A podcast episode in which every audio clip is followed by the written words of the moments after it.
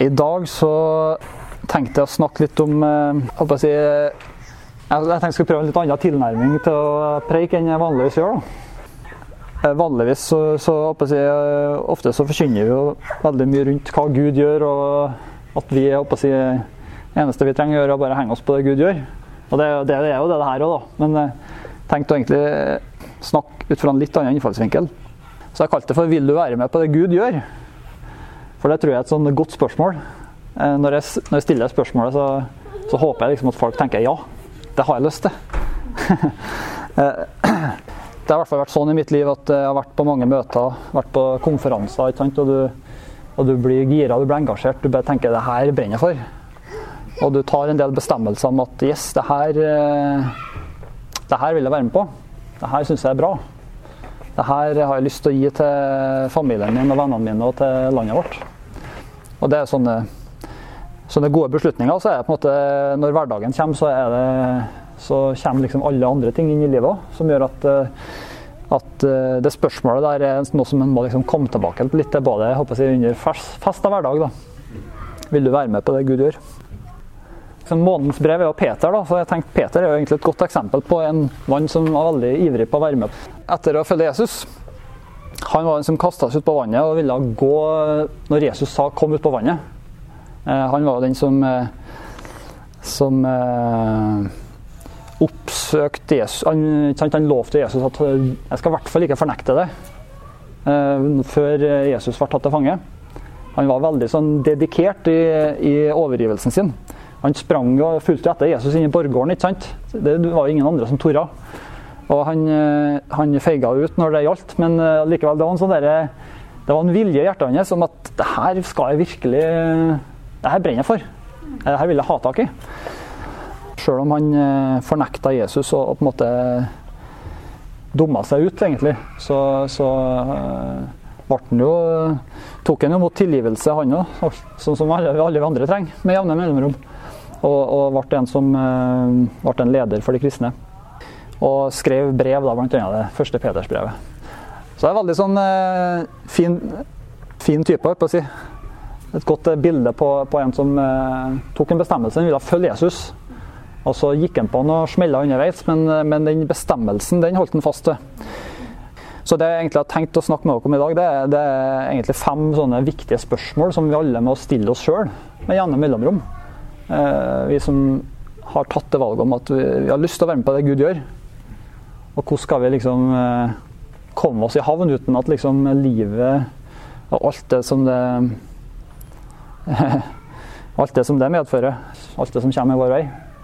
Eh, eh, hvordan skal vi klare å, å, å både ville være med, være med på det Gud gjør, og samtidig og evne å gjøre det? da. Så det jeg skal prøve å snakke litt om i dag.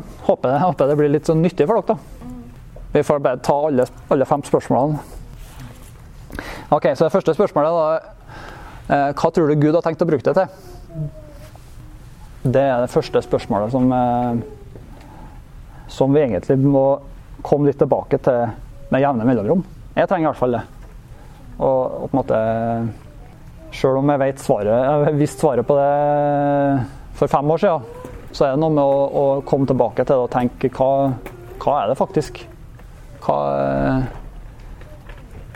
fordi at eh, livet og prioriteringene og kalenderen fylles opp av så mange ting som kommer i vår vei, at, eh, at jeg tror det er sunt å stille seg sjøl spørsmål av og til. Hvilke profetiske ord har du som du har fått over livet ditt, som du holder fast ved? Som du vet eh, det her, eh, det her er ikke bare en sånn tilfeldig greie som, som kom inn, men det er faktisk noe som, noe som jeg vet eh, var retningsgivende. At det er liksom et profetord som er både prøvd og som du tenker ja, det, det stemmer veldig godt med hvem jeg er og hva jeg drømmer om og hva jeg, hva jeg har av gaver i livet mitt. Jeg har bare lyst til å lese et vers eh, fra Efeserbrevet 4 for å få fram dette litt. Skal vi se, Jeg leser fra Efeserbrevet 4 vers 11. Det er, et sånn, eh, det er et ord som du hører med jevne mellomrom når du er med i kristent fellesskap. Det er et godt ord, da. Og det var han som ga noen til å være apostler, profeter, evangelister, noen til hyrder og lærere, for å utruste de hellige til tjeneste, så Kristi kropp bygges opp, inntil vi alle når fram til enheten i troen på Guds sønn og i kjennskapen til Han, og blir det modne mennesket som er fullvoksent og har hele Kristi fylde. Så skal vi ikke lenger være umyndige småbarn og ikke la oss kaste hit og dit og drive omkring av hver eneste vindpust av ny lære, så vi blir et bytte for menneskers falske spill og listige, forførende knep. Men vi skal være tro mot sannheten i kjærlighet og i ett og alt vokse opp til Han som er hodet, Kristus. Ut fra ham blir hele kroppen sammenføyd og holdt sammen av hvert bånd og ledd, alt etter den oppgave hver enkelt har fått tilmålt. Så kroppen vokser og bygges opp i kjærlighet. Og I siste verset her så snakker han om eh, alt etter den oppgave hver enkelt har fått tilmålt. Og Det er faktisk et, eh, et utrolig viktig vers. Ofte så snakker vi om disse versene med apostel og profet sånn at det blir veldig kollektivt. Altså det er kollektivet som gjelder. Det er vi sammen som er familien og folket og, og, eh, og boligen for Den hellige ånd. Og det, det, er jo kjempesant. Men samtidig så, så ser du at den, visjonen om det modne mennesket Det henger veldig sammen med at alle har en eh, tilmålt oppgave på, på Jesu kropp. Alle sammen. Og Det betyr at vi, vi tror ikke på en pastordrevet og en profesjonell menighet. Sånn som vi kan finne, finne mange plasser i kristenfloraen.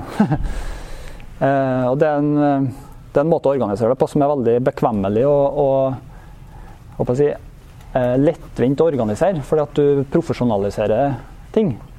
Men vi har på en måte valgt en, en litt en litt mer, si, litt mer bibelsk og litt mer omstendelig vei. For at vi ser at uh, Bibelen snakker om at uh, hver enkelt har en oppgave tilmålt. Og det, det, tror vi på. Vi tror på at, at, hver enkelt har fått en nådegave fra Gud som passer inn i et fellesskap som sammen skal uttrykke Jesus. Og det involverer jo hver enkelt av oss, egentlig. Og det involverer hver enkelt her like mye som, som vi som leder og som ofte står foran og snakker. Så involverer det hver enkelt. og jeg syns vi fikk et veldig godt eksempel på det i dag, med Greta og, og Siri og, og, Tone som kom fram og fortalte. Det var utrolig oppmuntrende. Og det er på en måte det er et blikk for det vi, det vi tror på. Vi tror på det der at, at Jesus bruker oss i hverdagen. Så det er spørsmålet hva tror du Gud har tenkt å bruke det til? Det, det involverer, si, det involverer jo nådegavene og profetord som han har fått. Men så involverer det eh, Det involverer litt jeg å si, hvem Den veksten som er i Guds familie òg. I dag så er vi jo i en forsamling på ca. Ja, 70 personer totalt. Men vi tror jo at Gud kommer til å gi ganske mye vekst. Det, det tror vi fordi at Gud er den han er, og fordi at evangeliet er det, så tror vi, tror vi at det her eh, som har forandra livet vårt, har egentlig mulighet til å forandre utrolig mange liv i Trondheim. Sånn som, sånn som det kom frem egentlig godt i det Siri fortalte. Når stereotypiene får uh, bli lagt ned, og at folk virkelig oppdager hva evangeliet er, så, så, så er det det Bibelen formidler. Jeg skal komme litt tilbake til det etterpå. Men uh, det betyr jo at uh, jeg for min del har tenkt, tenkt om meg sjøl at jeg, jeg, trenger å forberede meg på hvordan det er å følge opp eh, nyfrelste. Hvordan er det å følge opp folk som eh, har veldig forskjellige bakgrunn? Som ikke har hørt om Jesus annet enn eh, i kristendomstimene på skolen, og knapt nok det lenger. håper jeg Hvordan, eh, hvordan forbereder du deg på det? Og det, det, tror jeg er en veldig sånn, nyttig ting å tenke gjennom for sin egen del. for at eh, jeg er overbevist om at Gud kommer til å bruke hver enkelt av oss til, til det der i løpet av et langt liv. Jeg er helt sikker på det. det for det, det, har ikke å gjøre med å si, Det har ikke å gjøre om du Du må liksom ikke forandre veldig mye på hvem du er for å følge opp noen og lære dem Jesus. Det, hvis du tenker at du må forandre på det, så er, da er det størst sannsynlig at du ikke kommer til å gjøre det. For at uh, Gud bruker oss sånn som de menneskene har skapt oss. Og da, da er det både ekstroverte og dem som har høy bekjennelse, og dem som er inneslutta og tviler og grubler. Begge, begge personlighetstypene vil kunne følge opp mennesker. For det handler om å være ekte og, ekte og samtidig elsker mennesker. Og det er ofte, det er ofte påfallende da, hvor, hvor, hvor, små ting Gud bruker, har jeg tenkt. Jeg vet ikke om dere har tenkt over det, men, men det, hvis en ser tilbake på de små vendepunktene i livet, for så gjør det i mitt eget liv, så er det utrolig sånne små ting som har ført til kjempestore forandringer. Jeg ser for min del at f.eks. når Håvard kom til meg på, på videregående i andreklassen videregående og spurte om jeg, eller kom i førsteklassen og spurte om, om vi skulle bo på hybel sammen, så er det et utrolig lite spørsmål. sant? Hvis du tenker at verden er full av tilfeldigheter, så jeg kunne ha svart nei. Sant? Men jeg tror på Guds ledelse, så jeg svarte ja. I hvert fall når en ser tilbake på det. Det handler om eh, mennesker som du bare lurer på skal jeg, skal jeg begynne å snakke med, eller skal jeg la være. Sant? Som du treffer på, enten det er tilfeldig. Så starter nå praten, ikke sant? og så viser det seg at her baller bare på seg, så blir det egentlig et, et kjempestort, uh, kjempestor greie der Gud bare Når du ser tilbake at wow, hvor, hvor svært det ble det Gud gjorde. Og så starta det så stakkarslig. Så tilfeldig, ikke sant? Det er, det er nesten hovedregelen i hvordan Gud jobber. sant? Nå tenker jeg på Jesusbarnet i krybben. Det, det så ganske stakkarslig regner jeg ut når de fikk høre at her var en konge som var født, og så kommer du til en plass som stinker kuskitt. det ser ikke ut. Og så er det et uh, verdens største mirakel som er i gang. Og det, Hos meg så skaper jeg i hvert fall stor tro da, på at uh, de små innskytelsene som, som Den hellige ånd gir oss, dem må vi være kjempefrimodige med. Fordi at det, det er ofte der uh, de ferdiglagte gjerningene ligger. Det er ikke de voldsomme tingene der vi skal regne på det i si, mange uker og så finne ut hva lander vi på til slutt. Det kan være det òg, men det er veldig ofte de små tingene i hverdagen der vi Skal vi gjøre det, eller skal vi bare la den tanken ebbe ut ingenting? Så det handler i grunnen om eh, Og det er litt sånn her i, her i Trondheim òg, tenker jeg. Her i fellesskapet. Vi har eh, Eh, vi tror at Gud, eh, Gud sender mennesker. Eh, uten at vi nødvendigvis tenker, tenker sånn om det, eller at at det, si, er en trommevirvel hver gang folk kommer inn som er sendt av Gud. det er det jo ikke. Men, men eksempel folk som, som kommer inn på gudstjenestene, eller unger som kommer, kommer inn, enten det er våre egne unger eller unger som er med på besøk. Jeg tror Gud eh, Det er den veksten Gud sender. Og, eh, og da handler det om å være trofast i de tingene der, da. Og det Ja. Så når, når, det er snakk om hva tror du Gud har tenkt å bruke det til, så ligger det veldig ofte på, si, på en frekvens som, som, vi, som, vi, trenger å være litt sånn våken i. Da, for at Gud gir oss utrolig mange anledninger. Det tror jeg er hovedregelen. Eh, men men det er utrolig mange anledninger som man kan bare passere forbi. og så er jo ikke noe fordømmelse i det, men da sender jo Gud nye anledninger. Så det handler om å være trofast i de små tingene. Eh, det er det, det Jesus snakker om i Lukas kapittel 16. Den som er trofast i, smått, er trofast i store ting. Og det vet jeg Det er mange som altså, jeg vet Håvard Katrine satt, uh, la veldig merke til det, dem som på en måte så og la merke til Jonas. Han var jo den eldste ungen, den eneste ungen i menigheten i mange år, før det plutselig eksploderte. Men uh, de eh, merka veldig godt hvem som på en måte så at her er det en unge som er sendt av Gud. Ikke bare en unge som oppfører seg som en unge. Lager, lager, bråk og, og det Ja. Det var fantastisk.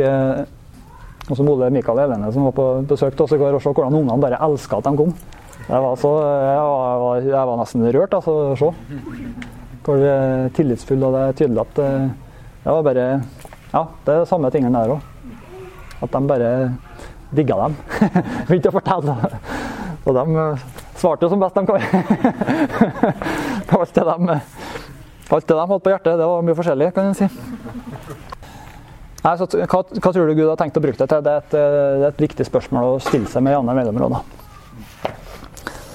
Eh, andre punktet som jeg har satt opp her, det er litt sånn kryptisk. Da. Er jeg god jord? Eh, det, da må vi jo lese bibelverset for å gå litt inn i det. Lukas kapittel 8. Og fra vers 5 da, så står det, forteller Jesus den lignelsen her. En såmann gikk ut for å så kornet sitt, og da han sådde, falt noe ved veien. Det ble tråkket ned, og fuglene under himmelen kom og spiste det opp. Noe falt på steingrunn, og det visnet straks det kom opp fordi det ikke fikk hvete. Noe falt blant tornebusker, og tornebuskene vokste opp sammen med det og kvalte det. Men noe falt i god jord. Det vokste opp og bar frukt hele 100 ganger det som ble sådd. Og så hopper vi til vers 11. Dette er meningen med lignelsen. Såkornet er Guds ord. De ved veien er de som hører det, men så kommer djevelen og tar ordet bort fra hjertet deres for at de ikke skal tro og bli frelst. De på steingrunn er de som tar imot ordet med glede når de hører det, men det har ingen rot. De tror bare en tid, og når det blir satt på prøve, faller det fra. Det som falt blant tornebusker, er de som hører ordet, men som på veien gjennom livet kveles av bekymringer, rikdom og nytelser, så det ikke bærer fullmoden frukt. Men det i den gode jorden, det er de som hører ordet og tar vare på det i et fint og godt hjerte, så de er utholdende og bærer frukt. Det er en av de litt mer alvorlige lignelsene Jesus har der. Eh, jeg husker Første gang jeg leste dette etter at jeg ble eh, født på ny som, eh, som 17-åring, så tenkte jeg at det her, jeg synes det her Jeg vil være en sånn god jordmann. Jeg har ikke lyst til å være en som på en måte starter i vei, og så, og så ender opp med at det er si, livets bekymringer eller rikdommens bedrag, da, som det står, jeg tror det står i Markus-versjonen, og, og lysten på alle andre ting. Som det står at det kommer inn og, og overtar eh, førsteplassen i livet. Eh, så har du selvfølgelig det med prøvelser og forfølgelser, men det, eh, i Vesten så er og de liberale delene av verden så er jo ikke liksom det med prøvelser og forfølgelse, eller forfølgelse i hvert fall, så veldig eh, utbredt. Det er ikke sånn at vi går rundt og frykter for livet vårt, heldigvis. Men her er nok det med tornebusker en større utfordring, tror jeg. Og der er det jo sånn at livet har litt forskjellige faser, har jeg tenkt på. Vi alle, De aller fleste som er her, da, unntatt Greta, er jo, er jo på, på si, eh, i starten av voksenlivet. Du, kan, du, er, du er midtveis, du da, Greta. og det er en livsfase med mange sånne viktige veivalg. Sant? Det er med jobb, hvor skal en bo hen? Hvilken by skal han bo i? Hvordan skal han liksom eh, etablere det nye forholdet til foreldrene når han har blitt voksen sjøl? Hvordan skal han organisere økonomien sin med lån og, og hele pakka der? Det er mange, mange viktige veivalg der. da. Og det er en sånn, eh, jeg tenker det er en sånn eh, fase hvor det der med, med livets bekymringer si, og rikdommens bedrag er, er, veldig sånn, det er veldig tett på oss. For det, det er egentlig veldig mange ting det går an å bli bekymra av. Jeg merker i hvert fall det for min egen del. At det, sant, det med økonomi eh, Det med at du begynner å få unger, og du ser liksom bare kalender og forpliktelser og ansvar bare fylles opp. Og veldig mange ting som det egentlig går an å bli bekymra av. Eh, og som lett kan, kan eh, ta veldig stor plass i livet. Jeg har bare tenkt at, at det er bare utrolig viktig altså jeg, jeg, jeg tror ikke noe på dere, at vi skal lage sånne generelle regler på hva folk ikke skal bruke tida på. Jeg tenker at eh, det, det har de jo prøvd før, si, før generasjonene, med at du ikke skal verken spille kort eller dans. Og det er klart, det, I den tida var det nok viktig å få høre det, men, eh, men eh, jeg tror, noe, jeg tror ikke vi har grunnlag for å gå lenger enn det Bibelen er, er tydelig på. i hvert fall. Det, det, bør vi jo holde oss til. Men eh, jeg tror det, jeg tror det er Guds rike stort rom for å prioritere ut fra tro og, og, og, og, samvittighet. Men samtidig så tror jeg det er kjempeviktig å leve åpent og, ha folk rundt seg som en kan eh, drøfte ting til, sammen med. for at eh, hvis en går alene i mange av de valgene som vi står overfor, så tror jeg det er veldig fort gjort å havne på, havne på en kurs hvor du, hvor du ser tilbake og lurer på hvordan havna jeg egentlig her. Fordi at eh, ja, Gud har rett og slett organisert livet sånn at, eh, at, er, at det beste for oss er å leve menighet. Det å leve sammen med, med søsken.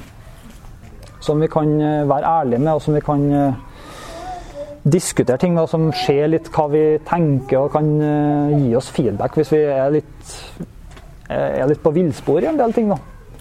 Fordi at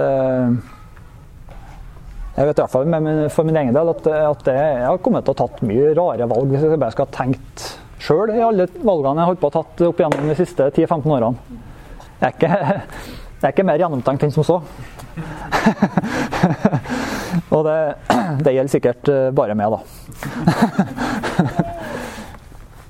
Jeg har bare tenkt at, at, eh, at eh, det vi holder på å bygge opp her i Trondheim, det, det tror jeg Jeg har veldig trua på det. Jeg har bare lyst til å si i dag at jeg har kjempetrua på det vi holder på med her i Trondheim. Selv om det er mye kaos og det er stress å starte opp møter. og det, liksom, det, er jo sånne ting som ikke Det betyr jo ikke noe. Men eh, jeg tenker den, eh, den flokken her med alle de fantastiske folka og den, eh, den åpenbaringa og den visdommen som, som mange har, jeg tror det der Jeg tror det er ganske unikt. Jeg har kjempetrua på det. Jeg, jeg blir kjempeoverraska hvis ikke det blir mange mennesker som, som tar imot Jesus jevnt og trutt i årene som kommer. For jeg tror jeg har kjempetrua på det. Ja, jeg gleder meg til årene som kommer. Og jeg tror vi klarer å holde hverandre på sporet. Det tror jeg. Amen. Ok, vi må gå videre. Vi har eh, noen punkter til. Hvilke investeringer er viktigst for resten av livet? Vi kan ta oss tida til å lese i Forkynneren 3 eh, der. Det, det er jo sånn gode vers. Nå er vi på tur inn i det filosofiske moduset her, men eh, vi tar det, det. Alt har sin tid. Det er en tid for alt som skjer, skjer under himmelen. En tid for å fødes, en tid for å dø, en tid for å plante, en tid for å rykke opp, en tid for å drepe, en tid for å lege, en tid for å rive ned og en tid for å bygge. En tid for å gråte, en tid for å le, en tid for å sørge, en tid for å danse. En tid for å kaste stein og en tid for å samle steiner. En tid for å ta i favn, en tid for å la favntak være. En tid for å lete og en tid for å miste. En tid for å bevare og en tid for å kaste. En tid for å rive i stykker og en tid for å sy sammen. En tid for å tie, en tid for å tale. En tid for å elske, en tid for å hate, og en tid for krig og en tid for fred. Eh, poenget mitt da, er at eh, jeg satt i en samtale her eh, med, med Terje rundt det der med si, livet. Livet da, fra 0 til 80-90 år. Hvordan er det liksom noen sånne ting som vi Er noen linjer som, som det er viktig å, å, tenke på? spurte jeg ham om, da. Og da, da kom han med en sånn refleksjon som jeg, jeg, håper det er greit at jeg deler. Jeg tror ikke Det var ikke noe hemmelig, det. Det var ikke noe om noen personer. og det går rett og slett på at, at de valgene en tar når en er ung, har en veldig ofte igjen for når en blir gammel. Og det er si, Nå er det såpass mange her som er i de, er de årene der en driver og tar valg, at uh, jeg tenkte det er litt nyttig å bare legge fram den tanken. Da, for at uh, Terjes uh, linje det er, det er jo sikkert veldig mye unntak, da, men, men sånn fram til du er sånn rundt 45-50, så ja. Så er det, en, er det ofte sånn, et liv der det er ganske hektisk, der det er masse ting som må gjøres. Masse investeringer. Og så er det ofte at det er først når du blir 50 pluss at du henter avkastninga på en del ting. Det var hans eh, poeng på det. Og det var, eh, det var, en måte å tenke på livet som ikke jeg hadde hørt før.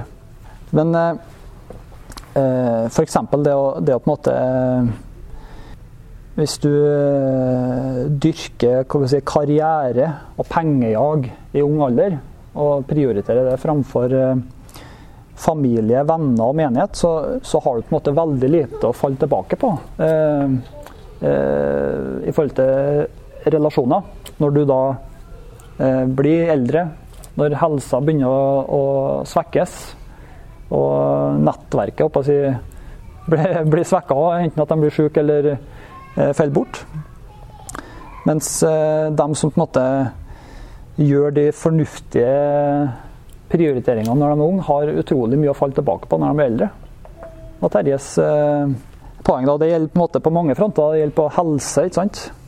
Å ta vare på kroppen sin og trene. Det handler om å ta vare på vennskap. Det handler om å, å Ja Å eh, forplikte seg på de rette tingene. da. Og det å eh, I forhold til familie, det å, det å på en måte være en som står sammen med andre eh, i menighet òg, eh, gjør at eh, når livet blir tøft, typisk eh, livskriser eller, eller, sykdom, så har du på en måte et nettverk rundt det som gjør at, eh, at det er lettere å komme gjennom en del ting. Mens der du på en måte har, eh, har si, sådd veldig lite inn i, inn i, relasjoner, og at du egentlig ikke har tatt deg tida til å være en, en venn eller en medarbeider. I de gode dagene så er det mye mer krevende å på en måte få det nettverket når du, når du trenger at folk trenger, trenger, andre inn i livet ditt. Da. Så jeg tenker at i hvert fall for si, vi som er rundt 30, da, enten vi runder av oppover eller nedover, Benedicte. det går bra. Så, så, tenker jeg det er en tid for å bygge relasjoner til, si, til åndelige mødre og fedre. Til venner, til søsken til å ta vare på helsa si og, og la ordet få rikelig plass i livet òg. Eh, fordi at eh, når, når, ordet får virkelig jobbe på dypet i oss, så er det utrolig hva, hva det betyr når, når, når, livet er vanskelig. òg. Så har du på en måte allerede lagt et grunnlag der av ting som du vet at det her, det her er både til trøst og til styrke når, eh, hvis det skulle komme perioder i livet der det er ekstra vanskelig. Så jeg vet ikke om dere skjønte, skjønte dere litt tegninga med Ja. Så eh, invester i de viktige tingene. Eh, punkt fire, da. Lever du på gamle vitnesbyrd? Det er et sånt spørsmål som, som jeg personlig blir utfordra på av og til. Fordi at jeg gjør av og til det. Og det er, Jeg har ikke lyst til å være sånn, men jeg ser at jeg gjør det av og til. Rett og slett. At jeg at når en skal oppmuntre andre med ting som en har vært med på av ting som har vært bra, ikke sant. Eh, sånn som eh, kom fram i starten på møtet her. Så eh, hvis, hvis jeg liksom må ty til historier som begynner å bli mange år gammel, eller ja, den historien fra når sant, Det vitnesbyrdet jeg nevnte i dag, var når jeg og Håvard bodde på hybel. det begynner å bli mange år siden. Så ja, du ser det der. Og der har jeg bare tenkt at det må jeg bare altså jeg, ja. Jeg kommer litt tilbake til det for min egen del, at, at jeg trenger bare å, å søke Gud altså for å få noen nye, nye ting å snakke om. Nye ting som skjer. Det, liksom, det, må ikke være at folk har blitt frelst eller helbreda for at det skal være et godt vitnesbyrd. Det er mange andre kjempegode vitnesbyrd òg. Og det tror jeg er viktig å minne hverandre om, for det er litt lett at denne tanken sniker seg inn, så du velger å bli taus i stedet for å si, si, det som var bra. Selv om eh, det kanskje virker enkelt og banalt. Så Gud er ofte i det enkle og banale. Halleluja for det. Jeg håper dere er med på det. Altså, det der med ferske vitnesbyrd er utrolig Det er i hvert fall noe som utfordrer meg. Eh, jeg har lyst til å se at eh, folk blir helbreda, og lyst til å se at ting vi ber om, konkrete ting som vi ber om for folk, at det skal skje. altså. Og det, det er det som er det bibelverset jeg satte opp på. Eh, første Korinterbrev 12.31. Altså 'søk med iver' de åndelige gavene. Og det, det, er et uttrykk eh, Et veldig sjeldent uttrykk i Det nye testamentet. 'Søk med iver'. Jeg kan ikke komme på at det står på noe spesielt annet mulig å gjøre det, altså, men det er ikke mange andre ting i så fall. Men uh, de åndelige gavene, det at Den hellige ånd uh, hjelper oss på litt forskjellige måter til å gjøre Kristi gjerninger, det er noe vi er kalt å søke med iver, faktisk. Og det er litt den spiriten der eh, igjen da med Peter ikke sant, i Bibelen. Han hadde jo noen heftige opplevelser og vitnesbyrd i starten, han òg, før Jesus ble korsfesta. Han ble jo tatt med opp på det der fjellet der hvor eh, Moses og Elia viste seg. Han eh, så Guds herlighet, og så skulle de til å bygge hytta. ikke sant? Jeg bare ser for meg, Han kunne egentlig fortalt denne hyttehistorien i mange år etterpå. Aldri kommet seg videre fra den, for det var så heftig den hyttefortellinga at det der skulle man bare fortalt til hele Israel og Samaria. ikke sant? Men han, eh, han skrev det ned, og så gikk han videre. Han, eh, han var der det skjedde, og var eh, ivrig etter å være der Jesus var. Og den, den holdninga der, den Ja, den tiltrekker meg, altså. Nå har vi snart gått gjennom alle fem spørsmålene alle bør stille seg sjøl med jevne mellomrom for å være med på det Gud gjør. Og det siste spørsmålet går på tid og hva du fyller kalenderen din med. Vår generasjons store tusenkronersspørsmål. Skal vi se. Efeserbrevet 5, vi kan ta oss og lese det. Pass derfor nøye på hvordan dere lever. Ikke som ukloke, men som kloke, så dere bruker den dyrebare tiden godt, for dagene er onde, ja.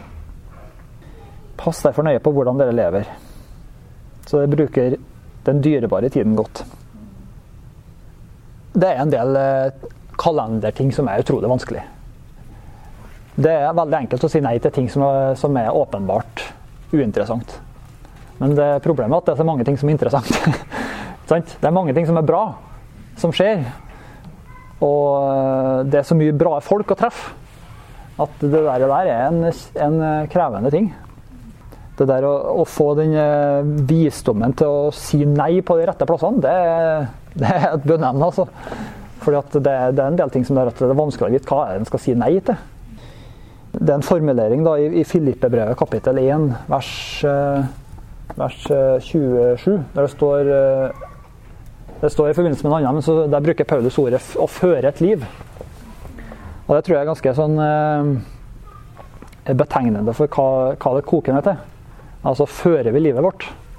Er vi, er vi bevisst på den kursen og den retningen og de prioriteringene eh, som vi har, eller, eh, eller, blir det på en måte andre ting som veier tyngst når, når vi finner ut hva er det som ender opp i kalenderen, og hva er det som havner ut? Det der er, det der er helt klart en, en ting som er, som er, krevende med, med si det, vår tid. Da. Fordi at det, alle sånne stengsler er borte. Du har eh, teknologi, du har Alle ting eh, ligger jo til rette for at du kan være med på alt. Og det gjør ikke det gjør ikke enklere, for da, det stiller faktisk større krav til grensesetting og prioritering enn det har kanskje gjort før. Da, hvor geografi og transportmiddel har på en måte lagt mye begrensninger. Så denne evnen til å lære seg å si nei, den er kjempeviktig. Da. Jeg for min del har hatt, hatt en del utfordringer med det der uh, at uh, familie er viktig, ikke sant. Og jeg har mange tante og onkel til. Nei, jeg og Tone har mange tanter.